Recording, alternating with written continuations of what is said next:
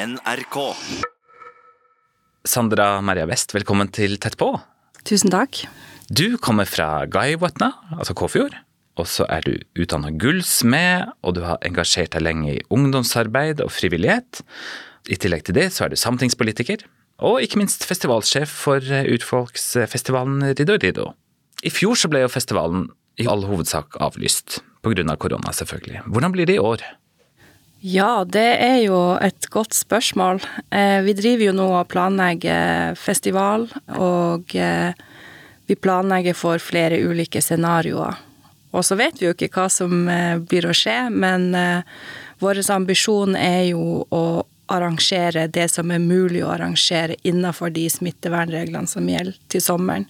Så vi håper jo selvfølgelig at det er stort, men hvis det er lite, så vil vi også arrangere det. Fordi at det er så viktig å ha samiske møteplasser, og ja, vi så i sommer hvor Og nå også hvor tomt det har vært når, når vi ikke har fått møtes. Ja. Vi lager egentlig fem festivaler på en gang i stedet for én. Altså avhengig av hvilket scenario som dere Ja, ender vi opp med? prøver å tenke på flere ulike løsninger. At eh, vi booker jo artister og, og lager jo programmet, så prøver vi samtidig å tenke ok, men hva hvis det blir begrensninger, hvordan kan vi løse det her da? Nå har du vært festivalsjef noen år, og du har engasjert deg lenge før det. Hva har eh, festivalen betydd for deg? For meg har den vel eh, betydd alt. Jeg har jo vokst opp med Ridorido. Jeg har um, vokst opp i, eh, i Marendalen og gått der på skole, og Riddo Riddo har jo vært en del av eh, livet mitt eh, helt siden jeg var liten. Foreldrene mine har jo vært engasjert i festivalen. Eh, mamma har jo vært annet artistvert og mye annet rart. Så har jeg vært med på Manei-festivaler, og så har jeg vært med på Riddo Noret, ungdomsprogrammet. Og så begynte jeg vel å jobbe der da jeg var sånn 14-15, hadde jeg sommerjobb, og så ble jeg etter hvert med i staben. Festivalen fyller jo 30 i år, og jeg er jo òg 30 år gammel, så det er veldig vanskelig å skulle tenke seg hvordan hadde det vært uten Rido Rido, hvem hadde vi vært da? Hvem hadde jeg vært? Hadde jeg vært eh, like opptatt av de samme tingene? Ja, hva var det som har trigga deg da, til å engasjere deg, tror du? For meg har jo Riddo Riddo alltid vært en sånn her vitamininnsprøytning. Altså hvert, hver sommer så har jo urfolk fra hele verden kommet til oss, altså til en liten sjøsamisk bygd, hvor det ikke skjer så veldig mye på, på daglig basis, og så plutselig på sommeren så eksploderer det bare i masse gjester fra hele verden, hvor det er vi, altså vi som urfolk holder på med, at det er det som er kult, og at man kan møte andre urfolksungdommer og oppleve at, eh, at man har mye til felles. Samiske festivaler har en eh, mye større rolle da enn norske festivaler. Det handler jo veldig mye om at eh, vi har få kulturinstitusjoner i Sápmi. Vi er så få institusjoner som kan sette i gang ting, og de samiske festivalene tar jo da også større ansvar og gjøre flere ting enn å kun presentere kunst. Som hva da? Nei, vi eh, har jo for eksempel en rolle der hvor vi eh, produserer, eller er med å produsere kunst eller eh, musikk gjennom bestillingsverk. Vi har også en ordning for unge samiske kunstnere hvor de kan være i et program hvor de får en oppfølging som hvor de kan eh, utvikle seg kunstnerisk og få nettverk og få prøve å lede sitt eget eh, kunstneriske prosjekt gjennom Årets unge kunstner og Rido Sessions. I tillegg så bidrar jo vi veldig mye i eh, nasjonalt planarbeid, altså innspill til regjeringa og Stortinget sin politikk, så er vi jo veldig ofte med for å fremme perspektiver fra, fra et samisk eh, perspektiv da når det gjelder kulturpolitikk. Og i tillegg til denne daglige formidlinga om samisk kultur som vi gjør både ved å ha foredrag eller eh, ved å invitere folk på skoleklasser på omvisning på festivalen, eller eh, eh, gjennom våre egne eh, kanaler på nett. Hva sier du til regjeringa da, når de spør deg? Da sier jeg at dere trenger mer kunnskap om eh, samisk kultur, så dere kan skjønne søknadene fra samiske kunstnere. Det ser jeg jo f.eks. til Kulturrådet. Det er jo veldig få samiske kunstnere som søker om tilskudd der. Og da lurer jeg jo på hvorfor. Er det fordi at det samiske kulturlivet ikke føler at Kulturrådet er for dem? Eh, kjenner de ikke godt nok til ordningen? Eh, er de for vanskelig å fylle ut? Kanskje man burde hatt mulighet til å eh, bruke flere språk i søknadene. Eh, akkurat nå er de jo kun på norsk, og det er et veldig byråkratisk språk. Så det er jo noe som jeg syns er viktig. Og i tillegg da at man må jo ha nok kunnskap til å kunne vurdere den kunstneriske innholdet da i eh, samiske kunstprosjekter. Blir du kontakta av mange som ønsker å lage noe om det samiske? Det kan være internasjonale journalister eller eh, arrangører. Altså, på, på hvilken måte bidrar du til å være knutepunkt? Ja, vi blir kontakta veldig mye. I går snakka jeg med en tysk journalist som ville ha Hun ønsker å finne en ung samisk hiphop-artist i Sverige som skriver om klima. Så en utrolig spesifikk bestilling, da. Men da tipser jeg jo om samiske kunstnere og artister da, som på ulike måter tematiserer klima i sin kunst, og, og tipser hun om personer, da. Men det er også veldig mange som vil ha noe samisk til sitt arrangement. Det varierer jo veldig på hvilken type arrangementer det er, men det er jo en del henvendelser er jo sånn her eh, Vi trenger noen som kan komme og joike, det er i Oslo, og vi vil ikke betale noe. Så da blir jo gjerne første jobben å si sånn Ja, men det er jo jobben til artister, og særlig i den situasjonen vi er i nå, så må man faktisk betale folk for å, for å jobbe, da. Og så kan det jo være andre urfolksfestivaler eller arrangører som har eh, prosjekter hvor de ønsker å komme i kontakt med relevante samiske kunstnere for et samarbeid. F.eks. om de ønsker å komme i kontakt med samiske fortellere. Så da prøver jo jeg så godt jeg kan da å tipse om de personene jeg vet om som kan være interessant for dem å samarbeide med. Mange samiske kunstnere er jo faktisk eh, bedre kjent internasjonalt enn de er lenger sør i Norge, så det er definitivt mye nettverk, og Riddo Riddo har jo også Eh, veldig stort nettverk internasjonalt etter å ha eksistert i 30 år som festival, da. Du har engasjert deg eh, gjennom hele livet. Hvorfor er det viktig å engasjere seg i samisk samfunnsliv? Vi har jo ganske mye som skal gjøres i Sápmi, og så er vi ikke så mange personer. Så det er ikke sånn at eh, man bare kan vente på at noen andre gjør noe for oss. Og det husker jeg veldig godt da jeg tok den gullsmedutdanninga i Fredrikstad, og da var det jo en på skolen min som sa at eh, jeg orker ikke å eh, følge med på politikk, altså jeg blir bare så sliten av det. Og da tenkte jeg bare ok, det der er virkelig et privilegium, du trenger ikke å bry deg fordi at det er noen andre som taler din sak. Men sånn er det jo ikke når du er i minoritet, når du er urfolk. Det er ikke sånn at det, det automatisk er noen andre som taler min sak. Men man har jo også mange muligheter. Altså, det er jo ganske enkelt å være pioner i Sápmi. Du kan alltid finne noe du kan være først i. og lage den første samiske musikalen, eller å ha det første samiskspråklige standup-prosjektet. Du kan liksom alltid finne noe da som er upløyd mark, eller eh, noe som du kan være først til å gjøre, og det er jo ganske kult. Ja, sant. Jeg har ikke tenkt på det sånn før.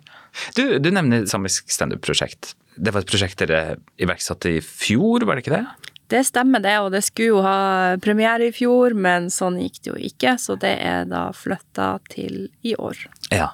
Hva er tanken der? Det starta vel fordi at eh, Eh, vi satt på kontoret, jeg og Alice, som da var produsent, og snakka om at eh, det er så mange som påstår at eh, samer er hårsår og ikke har humor. Men jeg er jo uenig i det. Jeg tenker jo at de der samevitsene liksom fra de typiske revyene, det er jo ikke morsomt, fordi det er jo ikke originalt. Det er ting man har hørt masse ganger før. Og samer har jo mye morsommere samevitser sjøl, syns jeg. Og, og, vi har masse humor. Eh, det er en stor del av samisk kultur. Eh, ofte er det jo veldig mye sånn svart humor og galgenhumor, da. Vi samer kjenner jo oss sjøl best, og kan jo lage vitser ut fra helt andre ting enn det majoriteten ser, som da har et utafor-perspektiv. Men samer har jo selvfølgelig et innenfra-perspektiv. Og så tror jeg jo at eh, vi, også, vi også trenger satire i det samiske samfunnet. At vi trenger kommentarer, og vi trenger sånne typer refleksjoner. Og det å også ha standup på samiske språk er jo også veldig viktig. Mm. Satire, det er jo Tradisjonelt sett så er det en måte å avkle makta på, da. Mm. Hvordan kan man gjøre det i Sápmi? Du har jo flere makter da, som du kan avkle. Det er jo både majoritetsmakten og Jeg tror jo mange føler seg veldig oppgitt og til tider da når det er Når man møter så mye, eller så lite, forståelse da, eh, for sin egen kultur fra majoritetssamfunnet. Men det er jo også maktstrukturene innad i Sápmi er jo også viktig å kritisere. Vi trenger jo samfunnskritikk og også av vårt eget samfunn. Av oss sjøl. Du er ikke redd for at du sjøl blir offer for satire, da? Du er jo profilert som festivalsjef og, og politiker. Eh, Plutselig det, sitter du der. Det må jeg jo i så fall bare, bare tåle. Mm. Men det er jo viktig at vi har den samtalen da, i det samiske samfunnet. Det er veldig få eh, sånne type arenaer som vi sjøl eier. Vi er jo veldig ofte å svare på andre sine arenaer, på andre sine agendaer, og, og bare svare på spørsmål som noen andre stiller det er jo ganske mye makt i det å velge tema for en debatt, og velge hvem som skal komme dit og snakke fra de ulike perspektivene, da. Og det syns jeg jo også er viktig at vi også har de arenaene som vi sjøl styrer. Jeg leste en artikkel i Nordlys hvor du ble intervjua, og der sto det i ingressen det er en politisk handling å eksistere som same i Norge i dag. Derfor har Riddo Riddo et mye større ansvar utover det å være en festival. Jeg bet meg merke i den første setninga. Det er en politisk handling å eksistere som same i Norge i dag. Hva tenker du på der?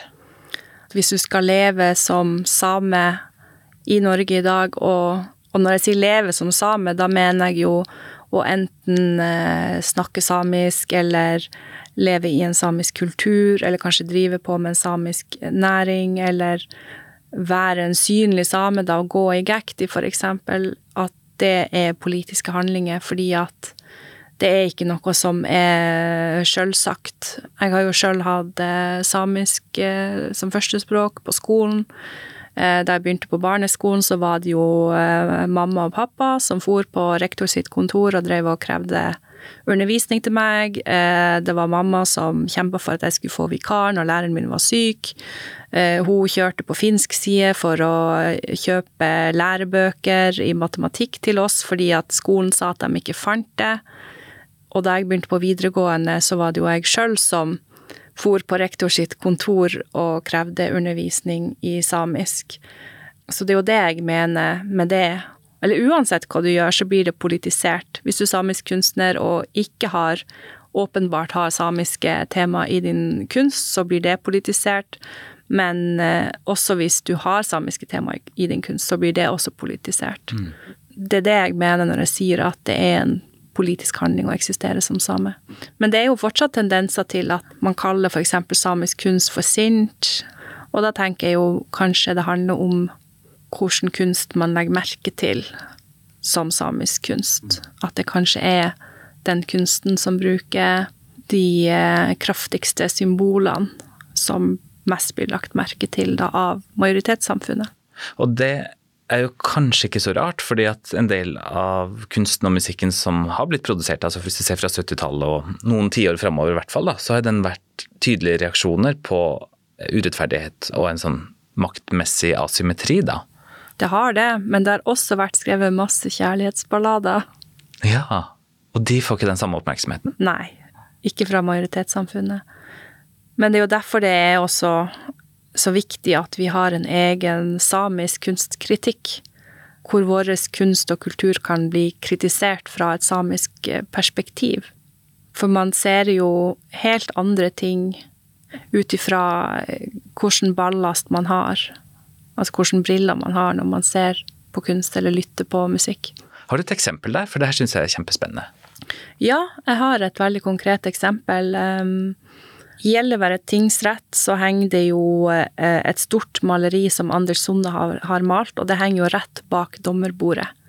Og det kom jo dit for et par år siden. Og da jeg så bilder av det i avisa, så tenkte jeg bare å herregud, ha, altså det var virkelig sterkt. Og det å se et maleri som så tydelig kritiserte den svenske staten og også sant, det svenske rettsvesenet i en rettssal hvor eh, familien til Sunna har, eh, har, vært i massevis av rettssaker. Altså, det var litt sånn jeg ikke skjønte hvordan de, hvordan de hadde valgt å henge opp det maleriet, da.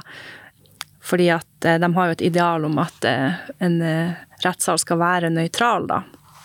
Men så fortalte jo Anders Sunna at han hadde blitt kontakta og hadde fått spørsmål om, om de kunne kjøpe et maleri av han dit.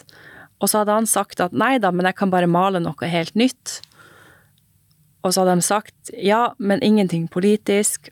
Og han lovde nei da, ingenting politisk. Og så hadde han malt det, og så hengt det opp, og det kom ingen reaksjoner. Og så to år etterpå så hadde han vært ute i avisa og fortalt at det var politisk, for det var jo bildene hengt opp, han hadde fått betalt, osv. Og når jeg hørte om det, så, så slo det jo meg at det er jo veldig rart at de ikke har sett hvor politisk det maleriet er. Og da skjønte jeg jo at det må jo ha noe med de referansene eh, vi ser, og de symbolene som vi tolker i et bilde, da. Utrolig at ikke det ble plukka opp, da, av de som kjøpte det inn. Men det er jo fantastisk at det henger der. Jeg henger det fortsatt her? Ja, så vidt meg bekjent så gjør det det. Det blir jo vanskelig å ta det ned nå, ikke sant. Da blir det jo en politisk handling plutselig. Ja, ikke sant. Det var ikke en politisk handling å henge det opp, men plutselig blir det det å ta det ned. Ja. Du, du har jo vært eh, offerlars.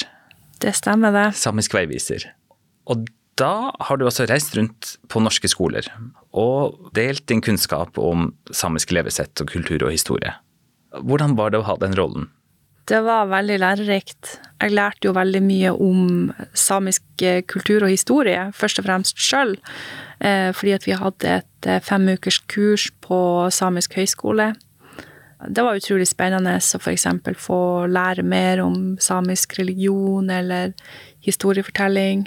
Men vi var jo også innom ting som retorikk og hvordan holde en tale eller hvordan ha en presentasjon det var et veldig spennende år, og jeg besøkte jo veldig mange plasser i Norge som jeg ikke ellers ville ha besøkt. da. Hvordan var det møtet med norske skoleelever, da? Det var stort sett veldig positivt. Eh, veldig masse nysgjerrige ungdommer som har veldig gode spørsmål. Det så jo veldig tydelig at eh, hvor lite norske skoleelever lærer om samisk kultur. Det er jo læreplanmål innafor eh, samisk eh, kultur og historie og samfunnsliv som de skal lære. Men faktum er jo at de fleste lærere som i Norge i dag, de har jo ikke lært om det i sin egen utdanning, de har ikke lært om det i sin egen skolegang. Og det er også en stor mangel i hva norske lærebøker velger å fokusere på. Jeg husker da jeg var samisk veiviser, så var det jo en biologibok hvor det sto at hele den samiske kulturen avhenger er avhengig av en symbiose mellom en sopp og en alge. For det var snakk om eh, reinlav og, og for reindrifta, og, og, det er jo var jo sikkert en korrekt fakta, men det blir jo veldig feil å ta ut en så liten faktadel og vri det om til eh, en så stor eh, sammenheng. Så det er jo det som også er problematisk ikke sant, i lærebøker. Det er jo ikke feil å fortelle om reindrift eller å ha bilder fra vidda men det blir jo feil hvis man tror at det er det eneste, og man ikke ser et større bilde. Og hvis man ikke forteller at eh, samisk kultur er mye mer enn f.eks. reindrift. For det skaper jo også et skjevt bilde av hvem vi er i dag, som jo også kan være skadelig for samer. Fordi at husk på at på de fleste skoler i Norge så går det jo også elever som er samer. Og hva føler de når de hører det her bildet av hvem samer er i dag? At man driver på med rein og, og bor på Finnmarksvidda. For det er jo så mye mer. Og det var jo et utgangspunkt vi valgte å ha da, når vi reiste rundt, at vi bare gikk ut ifra at det er sikkert noen samiske elever på den skolen. Så den beskrivelsen vi skal ha av samisk kultur, skal være noe som de kjenner seg inkludert i og kan relatere seg til. Jeg opplevde jo òg at det var rett og slett lærere som var veldig imot at vi var på besøk. På en skole så spurte rett og slett læreren om eh, de hadde lyst til å fære på lærerværelset i stedet for å forberede seg til neste time, at vi kan godt ta det her alene. Fordi at lærer, altså det var så negativt at den læreren var til stede for opplegget vårt. Men eh, det er jo derfor det er så viktig at eh, samisk kultur og at det er også en del ut av eh, lærerutdanninga. For hvordan ellers skal lærere være i stand til å undervise om samisk kultur? Og det var jo også noe en del lærere sa rett ut, at eh, nei, jeg bruker ikke å undervise om samisk kultur fordi at eh, jeg har ikke lært om det sjøl, og jeg tør ikke. Du har sagt at du reagerer når noen sier at samisk kultur er det samme som norsk kultur. Ja, jeg gjør det. Og også iblant når folk sier at samisk kultur er en del av norsk kultur. Og da tenker jeg nei, det er vi ikke. Altså, vi er en egen kultur. Og ja, jeg føler jo personlig veldig, veldig sterkt for det, fordi at vi er en selvstendig nasjon. Altså, vi er ett folk i fire land. Men vi er jo en del av historien til landet Norge, det er vi. Hva tenker du gir den samiske egenarten?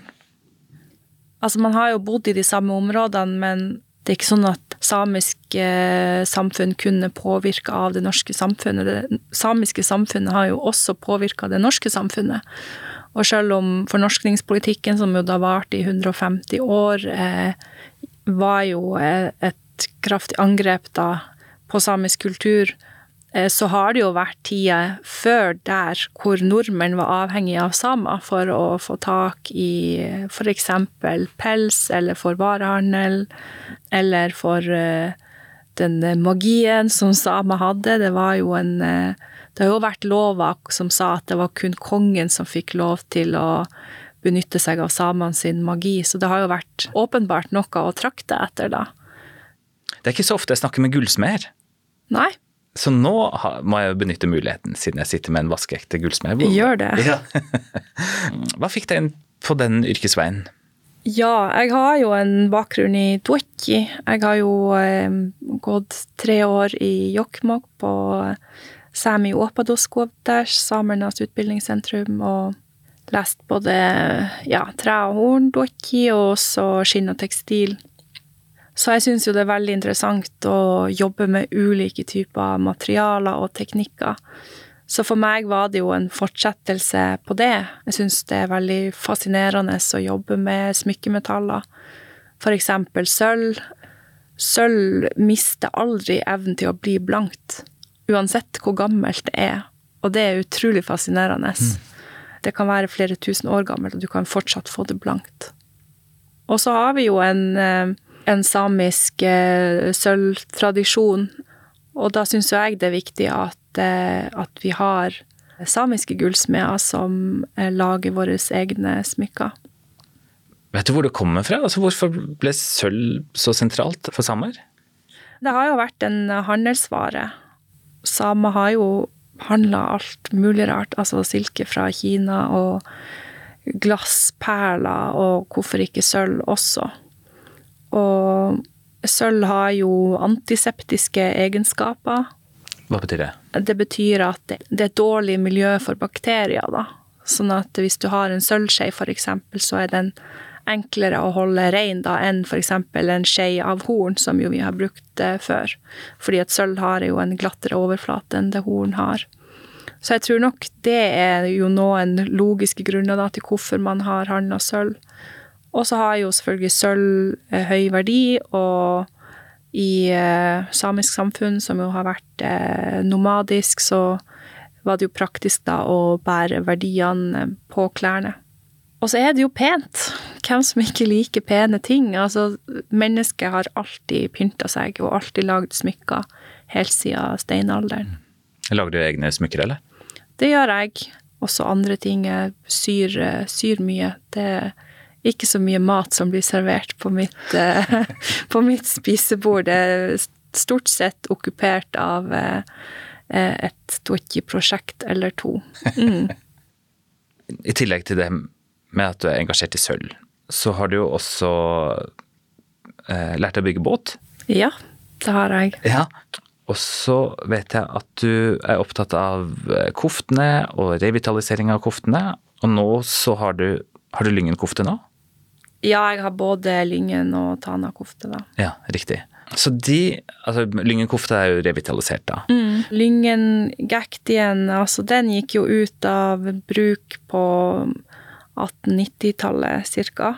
Eh, så den var jo helt ute av bruk i 100 år. Men det var jo andre deler av drakta som ble bevart, altså hvor gjenstandene ble bevart, men også hvor bruken fortsatte mye lenger. Og eksempler på det er jo chadsahat eller komaga, og dermed også komagbarn som man trengte. Eh, og også belter ble bevart i eh, museumsmagasiner.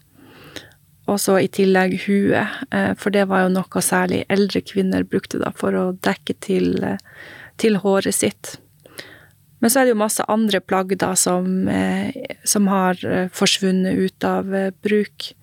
Og det gjelder jo kanskje særlig vinterplagg, eller sånn som siste bittot, som er type leggings av, av sisti av reinskinn og silbaraka, som jo da er en sølvkrage som da typisk brukes i bryllup. Eh, som er da pynta med, med kråkesølv og sølv. Dem har jo ikke blitt bevart noen eksemplarer av fra Lyngen-området, men det finnes skriftlige kilder som beskriver utseendet på dem, og at de har vært i bruk. Men prøver du å rekonstruere de på noe vis? Ja, det har jeg gjort. Eh, særlig da jeg gikk eh, på skole i Jokkmokk, så var det jo noe jeg holdt veldig mye på med. Og jeg har jo også sydd en sølvkrage. Og det jeg gjorde da, var jo å selvfølgelig lese de beskrivelsene som fantes skriftlig.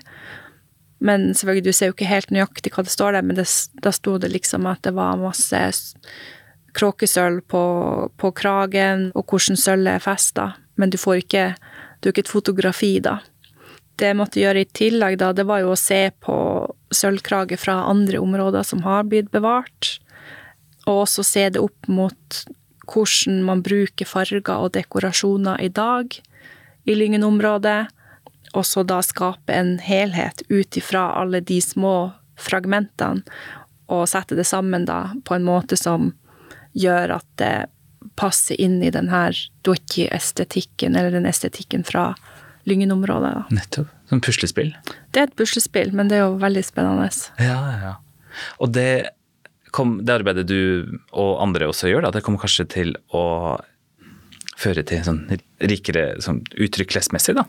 Ja, absolutt. Og alle sånne typer initiativer er jo Altså, nå er vi jo igjen inne på det her med pionerarbeid, og det er jo med på å få frem flere aspekter eller flere deler av vår eh, doki-tradisjon.